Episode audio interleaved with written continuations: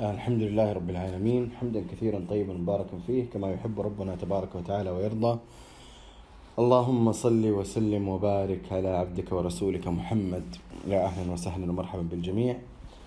آه نستعين بالله ونستفتح الدرس الواحد وستين من دروس غيث الساري أو من مجالس غيث الساري من هدايات البخاري. آه نحن في كتاب التهجد من صحيح البخاري. وفي باب تحريض النبي آه، صلى الله عليه وسلم على قيام الليل والنوافل من غير إيجاب.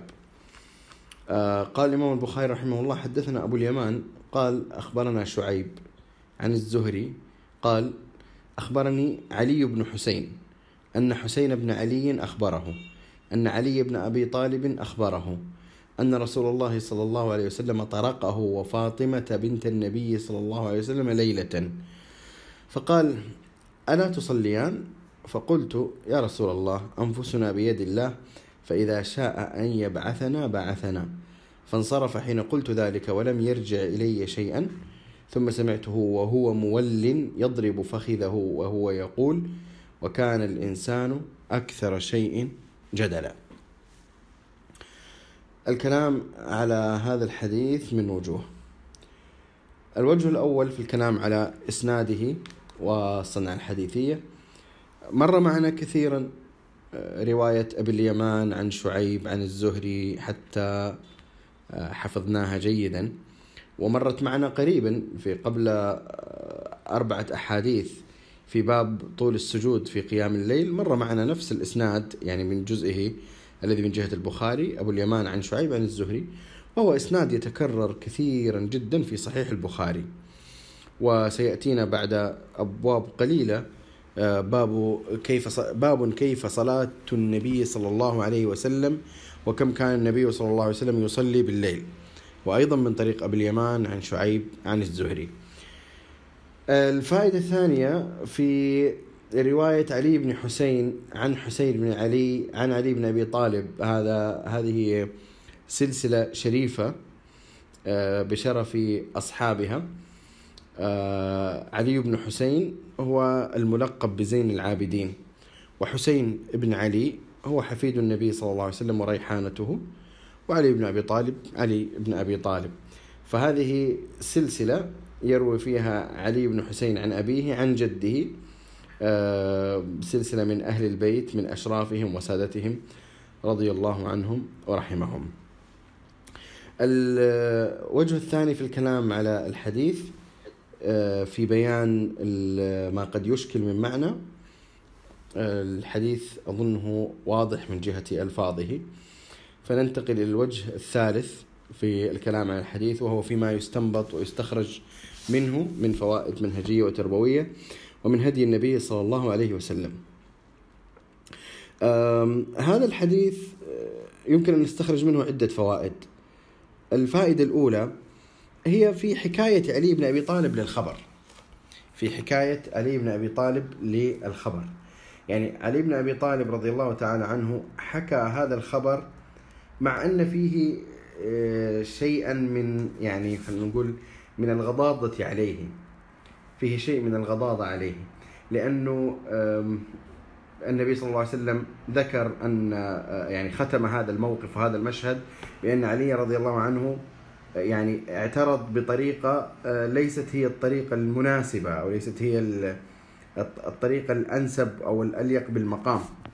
ومع ذلك روى علي بن أبي طالب هذا المشهد وهذا الموقف لما فيه من الفائدة. وهذا كثير هذا كثير يعني يأتي الصحابي فيروي موقفا من المواقف التي وقعت له في وقت النبي صلى الله عليه وسلم ولو كان هذا الموقف فيه إشكال عليه. والغرض من هذه الرواية يكون الفائدة.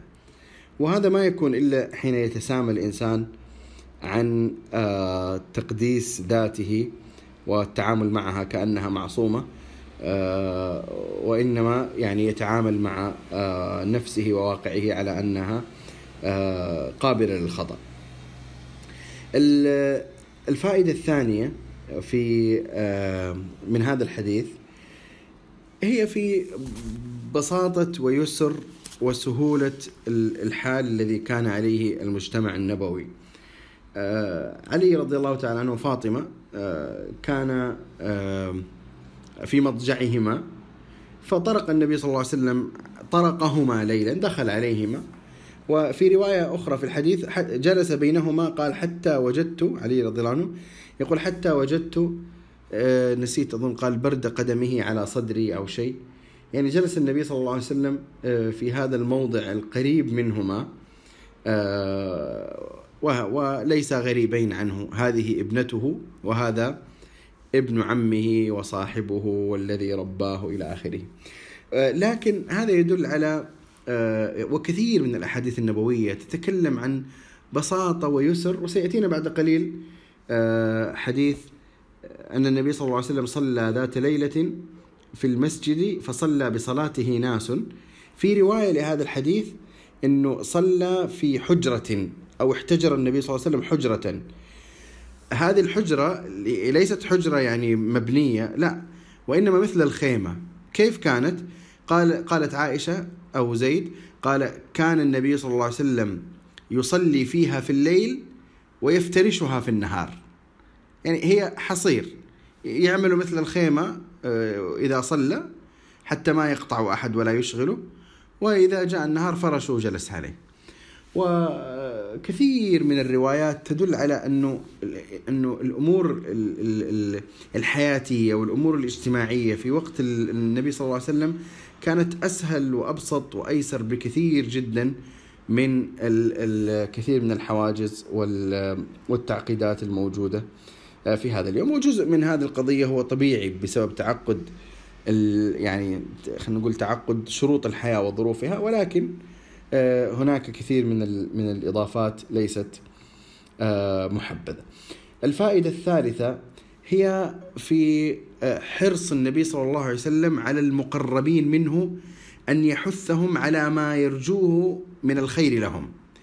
وهذا كان واضحا في النبي صلى الله عليه وسلم.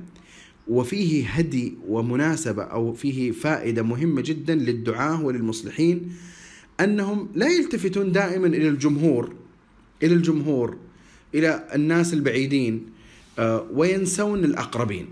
والأقربون ليس بالضرورة أن يكونوا الأقربين من جهة النسب وإنما حتى الأقربين من جهة مثلا من جهة الطلاب من جهة آه، السائرين في في في نفس الصف في نفس المسيرة في آه، في من يحمل الهم ويحمل الرسالة. آه، هناك غفلة عند كثير من الدعاء أنه ينسى من حوله ينسى من حوله. ويلتفت دائما إلى الأرقام الكبيرة والأعداد الهائلة من الجمهور. وطبيعة تأثر الأعداد الكبيرة هي طبيعة صعبة لا لا يقع التأثر العميق. لكن التأثر عند من آه، يعني عند من يخالطك دائما وينتظر منك الكلمة و آه، هو يعلم مكانك ومكانك وموقعك من العلم هذا التأثر منه يكون أكبر من غيره. ولذلك العناية به وصناعته وتربيته وتنميته أولى من صرف الجهود والأوقات آه، عند من هو معرض أو عند من الأثر فيه سيكون آه، أقل بكثير. طبعا ليس معنى هذا هو الغفلة عن مخاطبة الجمهور ولا معناه آه، عدم الاهتمام بهم ولا معناه عدم الصبر على الأذى الذي يمكن أن يعني ينال الإنسان منهم. ولكن ما ننسى الأقربين. ما ننسى الأقربين. النبي صلى الله عليه وسلم كان يوصي ويهتم بالأقربين من أصدقائه ومن أقربائه. فقال لمعاذ والله إني لا أحبك لا تدعن دبر كل صلاة أن تقول كذا وكذا. وقال لابن عباس يا غلام إني أعلمك كلمات احفظ الله يحفظك إلى آخر الحديث. وحين استوصاه أبو بكر قال له قل اللهم إني ظلمت نفسي إلى آخر الحديث. وقال لعلي قل اللهم اهدني وسددني واذكر بالهدى هدايتك الطريق وبالسداد سداد السهم. وها هنا والحديث السابق الذي مر معنا في الدرس التاسع والخمسين لما النبي صلى الله عليه وسلم قال من يوقظ صواحب الحجرات أقرب الناس إليه. وهنا أتى قاصدا لعلي وفاطمة ليوصيهما بقيام الليل. ألا تصليان؟ أي من الليل ألا تقومان الليل فتصليان؟ فهذا الهدي النبوي في مخاطبة الأقربين وفي العناية بهم هو من القوانين التي يجب أن تكون عند المصلح ومن التوازنات التي يجب ألا يغفل آه، عنها. الفائدة الثالثة هي في ضرورة عدم الغفلة عن استعمال الأسلوب الحسن ولو كان مع الأقربين. فقد يقول قد يقول قائل لماذا تقول ولو كان مع الأقربين؟ أليس من الطبيعي أن يكون هناك الأسلوب الحسن مع الأقربين؟ الجواب لا ليس من الطبيعي لأنه أحيانا الإنسان يغفل في أثناء سيره أن يلطف من ألفاظه آه، وأن يختار العبارات الأنسب مع القريبين منه. لماذا؟ لأنه اعتاد على اللقاء بهم واعتاد على رؤيتهم واعتادوا على الجلوس معه. فهذا الاعتياد أحيانا يزيل كثيرا من آه، ال آه، يعني اختيار الألفاظ وانتقائها وما إلى ذلك. آه، وأحيانا خلاص الإنسان يكل إلى ما يعلم يكل صح أصحابه إلى ما يعلمونه من حاله. وهم يكلونه إلى ما يعلم من أحوالهم. بينما نجد النبي صلى الله عليه وسلم هنا يستعمل الأسلوب اللطيف الذي يعني ألا تصليان؟ فيه آه، فيه لطف وفيه لين وفيه حث آه، آه، رقيق ولطيف جدا. ويعني من الحسن إنه الإنسان ما يغفل عن هذا المعنى وهو معنى مراعاة الألفاظ. والعبارات حتى مع من اعتاد الإنسان على خلطتهم. الفائدة الخامسة هي أن الإنسان إذا واجه اعتراض ولو كان هذا الاعتراض في جمله وفي ألفاظه آه، مركب من كلمات حق ولكنه استعمل في سياق غير مناسب ليس من من الضروري أن يرد الإنسان. يعني آه، النبي صلى الله عليه وسلم هنا لم يرد على علي بن أبي طالب فيفتح نقاشا في وسط الليل آه، حول قضية أنه هل يصح الاعتراض بأنه أنفسنا بيد الله؟ فإذا شاء أن يبعثنا بعثنا. هل يصح ذكر هذا الاعتراض أو ذكر هذا السياق في سياق آه، الرد على من يحث على قيام الليل أو لا؟ وهل تدخل القضية القدرية هنا في المسألة الشرعية أو لا؟ يعني المجال هذا ليس مجال النقاش والجدل في مثل هذه القضية ولا حتى مجال البيان آه، فيها. آه، كأن النبي صلى الله عليه وسلم حين قال لعلي بن أبي طالب وكان الإنسان أكثر شيء جدلا كأنه يقول له يعني آه، لا ينبغي أن أن أن يقابل الحث على القيام وهو واضح وبين أن أن يقابل بمثل هذه العبارات التي هي حق أصلا. يعني علي رضي الله تعالى عنه لم يقل شيئا باطلا هو قال شيئا من الحق. أنفسهم بيد الله وإذا شاء أن يبعث أبعث هذا حق لا, لا إشكال فيه. ولكن ليس هذا سياقه الأنسب له. آه، فهنا نأخذ فكرة أنه الإنسان حين يأتي لمقصد معين حين يريد أن يطرح قضية القصد منها الحث مثلا فيأتي إشكال أو سؤال أو اعتراض يظهر أنه ليس هو سياقه ليس هو السياق الأنسب له فليس من المهم أو قد يشرع الإنسان أن لا يدخل آه، في مثل هذه النقاشات آه، وينشغل عما جاء لأجله وعما قصد. القضية آه، الأساسية في حديثه. الفائدة السادسة هي في جواز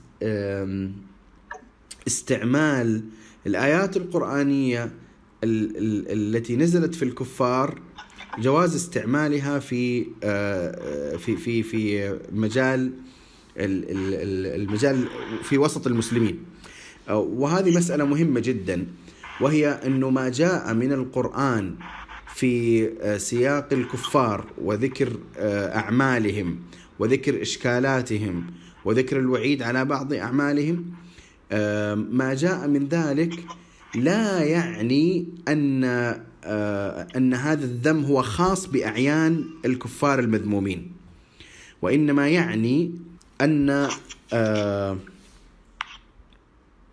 وإنما يعني أن آه أن هناك ذما لأصل هذا العمل فمن يعمل مثل هذا العمل أو قريبا منه أو ما يدخل في فلكه فإنه آه، يكون آه، داخلا في شيء من الوعيد أو داخلا في شيء حتى ولو من باب الاستدلال عليه فقط بالآية.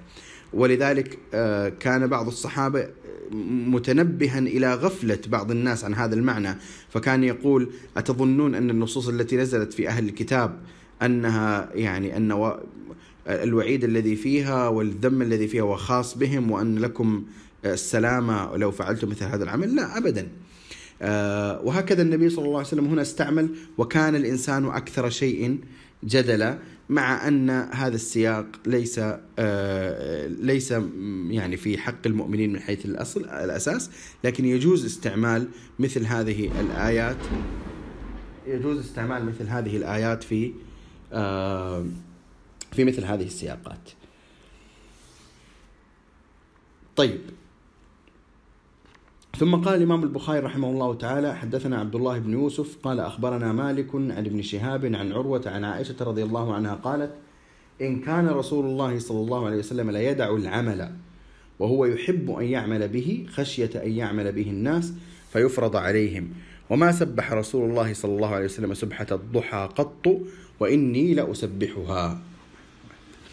الكلام على هذا الحديث من وجوه. الوجه الأول في الكلام على الصنعة الحديثية والإسنادية آه، هذا الإسناد المفترض أنه مر معنا سابقا وهو إسناد معروف آه، وواضح ورجاله كلهم من المشاهير. عبد الله بن يوسف شيخ الإمام البخاري التنيسي كثيرا ما يروي عنه البخاري يعني متوسلا بروايته عنه إلى الإمام مالك.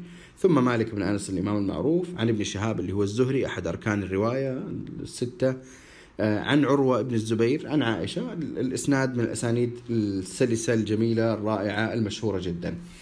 آه، الوجه الثاني في بيان المعنى أو ما قد يشكل سواء من اللفظ أو من المعاني.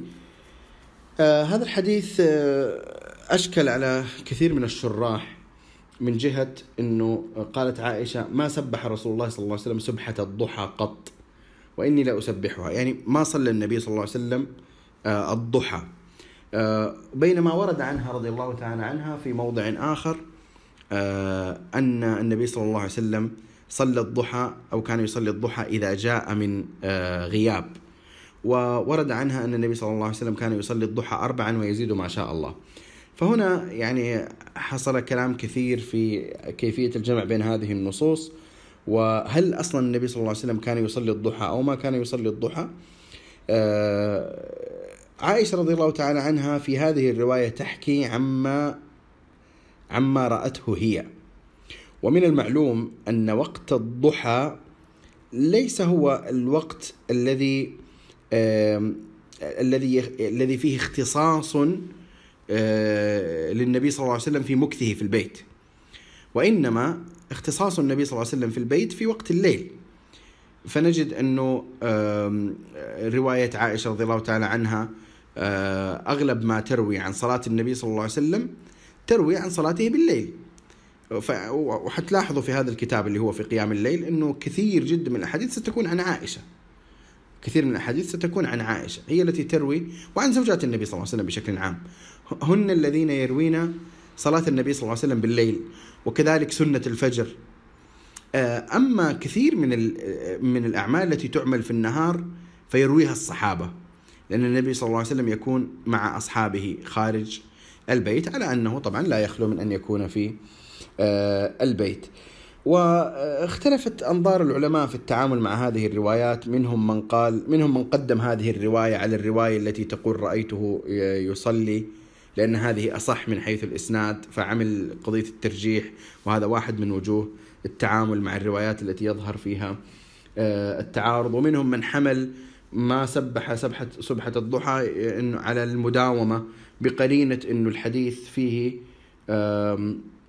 إن كان يدع العمل وهو يحب أن يعمل به يعني يدع العمل يدع, يدع المداومة عليه وهو يحب أن يعمل به خشية أن يعمل به الناس فيفرض عليهم.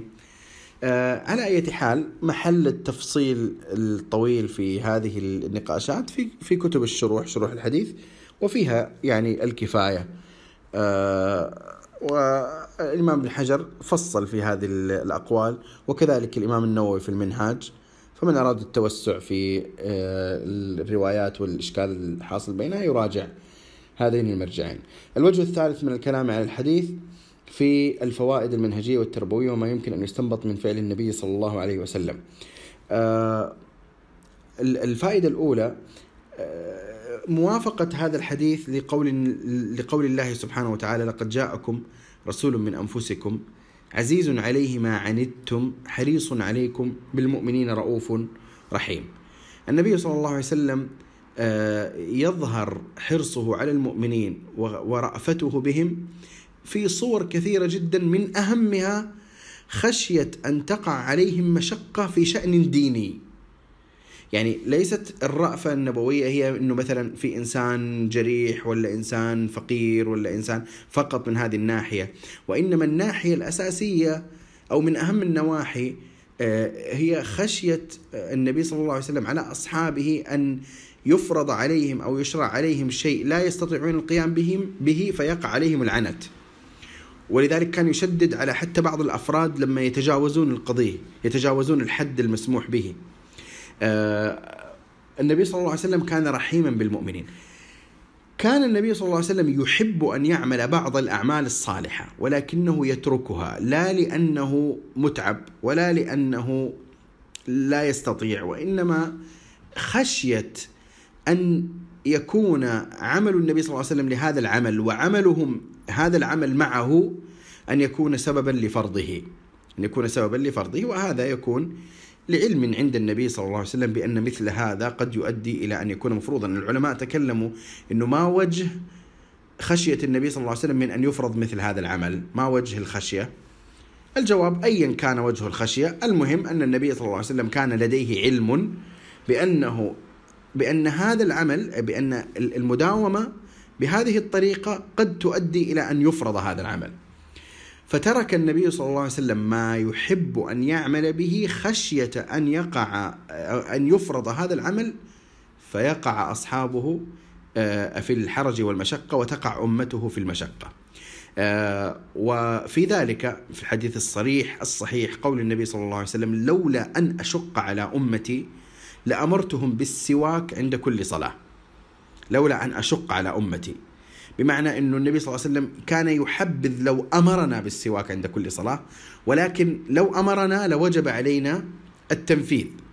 ولو أمرنا ووجب علينا التنفيذ في مثل هذا لوقعنا في الحرج أو في المشقة.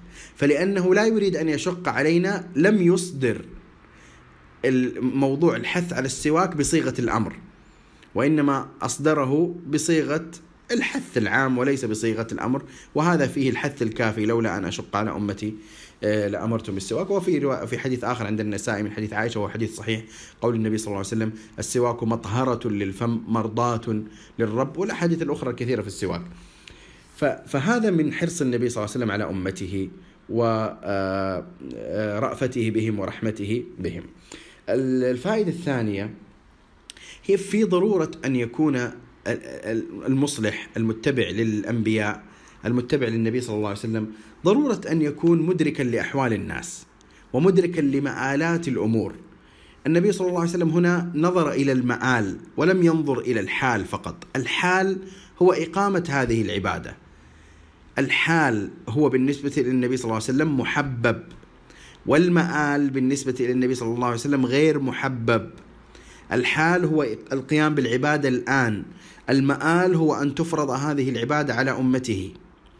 فحين نظر إلى المآل ورأى أن في المآل ما قد يكون حرجا ومشقة ترك الحال الذي يمكن أن يؤدي إلى تلك المآل أو إلى ذلك المآل مع أن الحال محبوب له ومع أن الحال عبادة ومع أن الحال طاعة. ولكن حين أمكن أن تؤدي إلى مشقة على الأمة تركها النبي صلى الله عليه وسلم. فما بالكم بمن يصر على ليس عبادة مشروعة وإنما على شيء مباح ويكون مآله حرجا على المسلمين. ليس من جهة التشريع في الوحي وقد انقطع وإنما من جهة المآلات المترتبة على مثل هذه على هذه مثل هذه الأفعال. فما بالكم من من يصر على على المباحات التي تترتب عليها مثل هذه المآلات؟ طيب ما بالكم بمن يتمسك بأمور من من الأمور المفضولة أو من الأمور خلينا نقول حتى المكروهة أو الأمور المحرمة التي تؤدي إلى مآلات فاسدة تشق على أمة النبي صلى الله عليه وسلم، فهذا الأمر يكون مضاعفا من جهتين، من جهة كونه محرما في الحال ومن جهة كونه يؤدي إلى المشقة والحرج في المآل، فيتضاعف النهي ويتضاعف التحريم. آه هنا النبي صلى الله عليه وسلم كما قلت ينظر إلى المستقبل ينظر إلى المآل آه يقدم آه وهذه خلينا ننتقل للفائدة الثالثة لتقديم درء أو درء المفاسد مقدم على جلب المصالح. درء المفاسد مقدم على جلب المصالح. المفسدة هنا متوقعة في المآل والمصلحة متحققة في الحال. فدرأ النبي صلى الله عليه وسلم المفسدة ودفعها بأن بأن اجتنب تحقيق المصلحة التي في الحال. فهذه قاعدة أيضا تستنبط وتستخرج من هذه الرواية أو من هذا الحديث عن النبي صلى الله عليه وسلم. نختم بالحديث الأخير وهو من نفس الطريق قال الإمام البخاري حدثنا عبد الله بن يوسف قال أخبرنا مالك عن ابن شهاب عن عروة بن الزبير عن عائشة أم المؤمنين رضي الله عنها أن رسول الله صلى الله عليه وسلم صلى ذات ليلة في المسجد فصلى بصلاته ناس ثم صلى من القابلة فكثر الناس ثم اجتمعوا من الليلة الثالثة أو الرابعة فلم يخرج إليهم رسول الله صلى الله عليه وسلم فلما أصبح قال قد رأيت الذي صنعتم ولم يمنعني من الخروج إليكم إلا أني خشيت أن تفرض عليكم وذلك في رمضان. الكلام عن هذا الحديث من عدة وجوه. الوجه الأول من ناحية الإسناد وقد مر معنا في الحديث السابق الكلام على نفس الإسناد. الوجه الثاني في بيان معنى الحديث وهو أيضا واضح فننتقل للوجه الثالث مباشرة وهو وجه يشترك مع الحديث السابق أيضا فربما أزيد فقط بعض الأمور اليسيرة جدا. فنقول الوجه الثالث الفوائد المنهجية والتربوية المستنبطة من هدي النبي صلى الله عليه وسلم في هذا الحديث. اولا هذا الحديث يفيد أن الصحابة رضوان الله تعالى عليهم كانوا دائمي الإحداق والإحاطة بالنبي صلى الله عليه وسلم متلهفين متشوقين منتظرين أي شيء منه سواء من ناحية الأقوال أو من ناحية الأفعال. فما إن صلى بصلاة ما إن صلى بصلاة النبي صلى الله عليه وسلم ناس في ليلة من ليالي شهر رمضان حتى تسامع الناس. فجاءوا من الليلة الأخرى يعني يعني تخيلوا إنه في ناس الآن صلوا مع النبي صلى الله عليه وسلم أما إن خرجوا من من المسجد حتى آه تسامع الناس إنه ترى صلينا مع النبي صلى الله عليه وسلم ترى النبي صلى الله عليه وسلم صلى في المسجد. فالكل تحفز وتهيأ إنه هو يأتي لليلة القابلة أو القادمة. وبالفعل أتوا فصلوا مع النبي صلى الله عليه وسلم. لما رأى النبي صلى الله عليه وسلم هذا الحال عمل نفس العمل الذي ذكرته في الحديث السابق. نظر إلى المآل. هذه الحال محبوبة إلى النبي صلى الله عليه وسلم. هو يحب أن يجتمع الصحابة في صلاة الليل في رمضان خاصة في المسجد. ولكن لأن الوحي لا يزال ينزل ولأن عند النبي صلى الله عليه وسلم من العلم ما يفهم هو منه عليه الصلاة والسلام أن هذا الاستمرار بهذه الطريقة قد يؤدي إلى أن يفرض ترك النبي صلى الله عليه وسلم هذا العمل خشية الحرج الواقع في المآل. فلم يخرج إليهم النبي صلى الله عليه وسلم ثم بين لهم أو قال قد رأيت الذي صنعتم ولم يمنعني من الخروج إليكم إلا أني خشيت أن تفرض عليكم. الفائدة الثانية من الوجه الثالث هي في أهمية أن يبين الإنسان المصلح المتبع للنبي صلى الله عليه وسلم أن يبين للناس ما قد يشكل عليهم من الشأن المشترك بينه وبينهم. يعني الصحابة كانوا يجتمعون اجتمعوا ينتظرون النبي صلى الله عليه وسلم لأنهم صلوا معه ليلتين. لما اجتمعوا الليلة الثالثة لم يخرج النبي صلى الله عليه وسلم لم يخرج. ولم يتركهم دون بيان لم يتركهم دون بيان. وإنما مراعاة لأحوالهم ولخاطرهم ولاجتماعهم ولأجل البيان أيضا وأن يتعلموا وضح لهم النبي صلى الله عليه وسلم لماذا لم يخرج إليهم. وضح لهم النبي صلى الله عليه وسلم لماذا لم يخرج إليهم. وهذه فائدة تستنبط من هذه الرواية ومن هذا الحديث. فائدة يعني ليست ليس المعتاد إنه إحنا نذكر أي فائدة فقهية لكن يمكن أن تؤخذ بشكل سريع وهي إنه هذا الحديث يدل على جواز الائتمام بالإمام أو بالشخص المنفرد ولم ولو لم يكن ينوي نية الإمامة. يعني النبي صلى الله عليه وسلم بدأ صلاته منفردا وأتمها آه إماما آه وكان هذا أثناء الصلاة. آه عموما الأهم من الفوائد المتعلقة بهذا الحديث ذكرتها في الحديث السابق وهي فيما يتعلق بمراعاة المآل ومراعاة المصالح ودرء المفاسد مقدم على جلب المصالح. إلى آخره من المعاني التي يمكن أن تستنبط من هذه الأحاديث. هذا والله تعالى أعلم وصلى اللهم على نبينا محمد وعلى آله وصحبه أجمعين.